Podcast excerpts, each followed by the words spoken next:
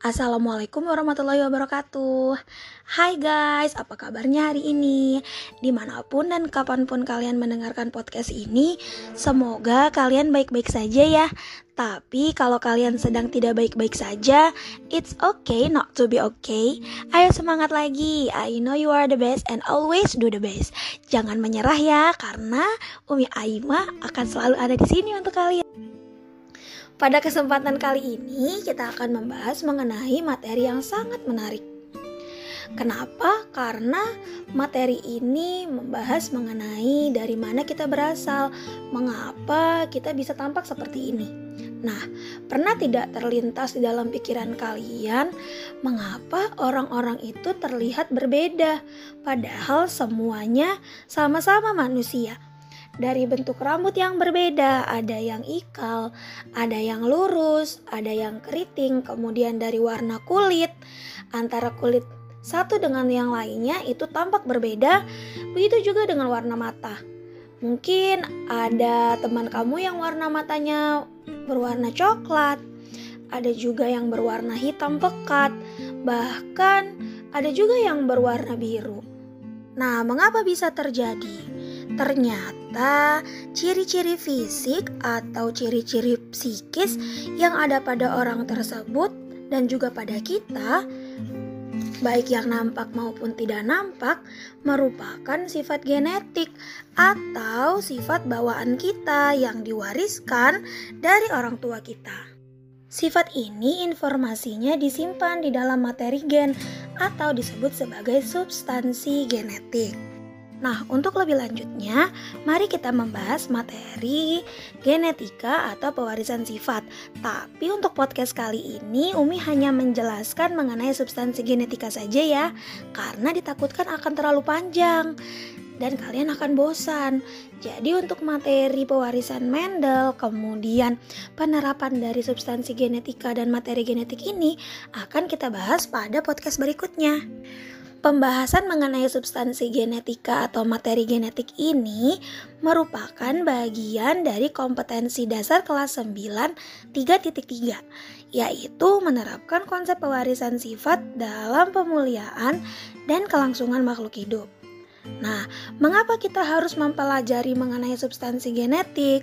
Tujuannya adalah supaya kalian bisa memahami struktur dan penyusun DNA serta DNA. Kemudian kalian juga bisa membedakan kedua substansi genetik tersebut. Selain itu, Umi harap kalian juga bisa memahami peranan DNA dalam pewarisan sifat. Jadi, secara umum, substansi genetika adalah informasi yang terdapat dalam sel makhluk hidup yang dapat diturunkan pada keturunan berikutnya. Kemudian, DNA, RNA, gen, kromosom disebut sebagai materi genetik karena mereka bertanggung jawab terhadap pewarisan sifat-sifat genetik dari induk kepada keturunannya atau dari orang tua ke anaknya. Pembahasan mengenai DNA. DNA atau nama lengkapnya deoksiribonukleat asid atau dalam bahasa Indonesianya dikenal dengan ADN, asam deoksiribonukleat merupakan tempat penyimpanan informasi genetik. Nah, sebelumnya DNA itu dianggap terlalu sederhana untuk menampung informasi genetik. Pada awalnya orang-orang tidak percaya kalau ternyata DNA ini bisa menyimpan beribu-ribu materi genetik yang berisi kode tentang apa yang ada di dalam tubuh kita.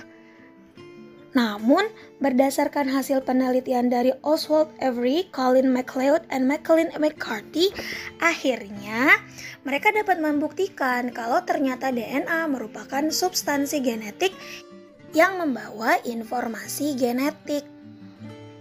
Pada tahun 1953, Francis Crick and James Watson menemukan model molekul DNA sebagai suatu struktur double helix antiparalel atau dikenal dengan tangga berpilin. DNA ini bisa kita temukan pada nukleus atau inti sel, kemudian mitokondria, dan kalau pada tumbuhan juga terdapat dalam kloroplas. Masih ingat kan apa itu kloroplas? DNA merupakan satuan terkecil dalam suatu sel. Bisa kalian bayangkan kalau sel aja udah sangat kecil, nah DNA ini lebih kecil lagi. Berarti subhanallah sekali ya kalau ternyata sesuatu yang ukurannya sangat kecil ini ternyata justru yang mengatur semua yang ada di dalam tubuh kita. Yang membawa sifat-sifat dari kedua orang tua kita. Subhanallah masya Allah maha besar Allah dengan semua ciptaannya. Ini seperti yang disampaikan di dalam Al-Quran surat Atin ayat 4 Laqad khalaqnal insana fi ahsani taqwim. Sungguh kami telah menciptakan manusia dalam bentuk yang sebaik-baiknya.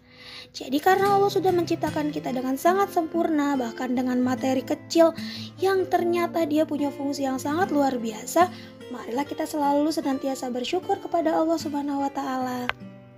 Jangan lupa bersyukur ya. Kalau kita sudah membahas tentang DNA, tentu saja kita harus membahas mengenai strukturnya. DNA terdiri dari gula 5 karbon yang kehilangan satu oksigen pada rantai keduanya. Nah, makanya dia dikenal dengan nama deoksiribonukleat karena ribosanya kehilangan oksigen. Nah, kemudian DNA juga terdiri dari basa nitrogen, yaitu basa dari golongan purin yang terdiri dari adenin dan guanin serta golongan pirimidin yang terdiri dari sitosin dan timin serta satu gugus fosfat. Ketiga molekul tersebut kemudian akan membentuk tangga berpilin yang akhirnya menjadi struktur DNA yang seperti kita ketahui sekarang. DNA berperan penting dalam pewarisan sifat karena dia adalah tokoh utamanya. Nah, ada lagi nih pemeran pendukungnya alias supporternya yang dikenal dengan nama RNA atau disebut sebagai ribonukleat acid. Berbeda dengan DNA, struktur RNA terdiri dari rantai tunggal polinukleotida. Jadi dia hanya satu aja ya, kalau tadi DNA ganda maka RNA ini tunggal. RNA disusun oleh gula ribosa yang tidak kehilangan oksigen pada rantai keduanya. Nah, selanjutnya RNA ini juga terdiri dari basa nitrogen, golongan purin yang terdiri dari adenin dan guanin, sedangkan untuk golongan pirimidinya berbeda, yaitu sitosin dengan urasil. Nah, RNA juga tetap memiliki gugus fosfat. Ketiga molekul tersebut akan membentuk rantai tunggal polinukleotida yang kita kenal dengan RNA. Kalau kita sudah membahas mengenai DNA dan RNA, pasti kalian juga familiar dengan istilah gen kan? Nah, gen adalah unit herediter yang diwariskan dari satu generasi ke generasi berikutnya. Intinya, gen ini ada di dalam DNA. Jadi semua gen adalah DNA, tapi tidak semua DNA itu disebut sebagai gen. Karena ada beberapa DNA yang kita akan kenal dengan istilah DNA non-gen yang nanti akan kita bahas pada pertemuan berikutnya. Jadi silakan kalian baca kembali ya buku dan literatur-literatur lainnya sehingga kalian bisa lebih paham mengenai penjelasan yang Umi sampaikan tadi. Terima kasih sudah mendengarkan. Assalamualaikum warahmatullahi wabarakatuh. Sampai jumpa di podcast berikutnya ya.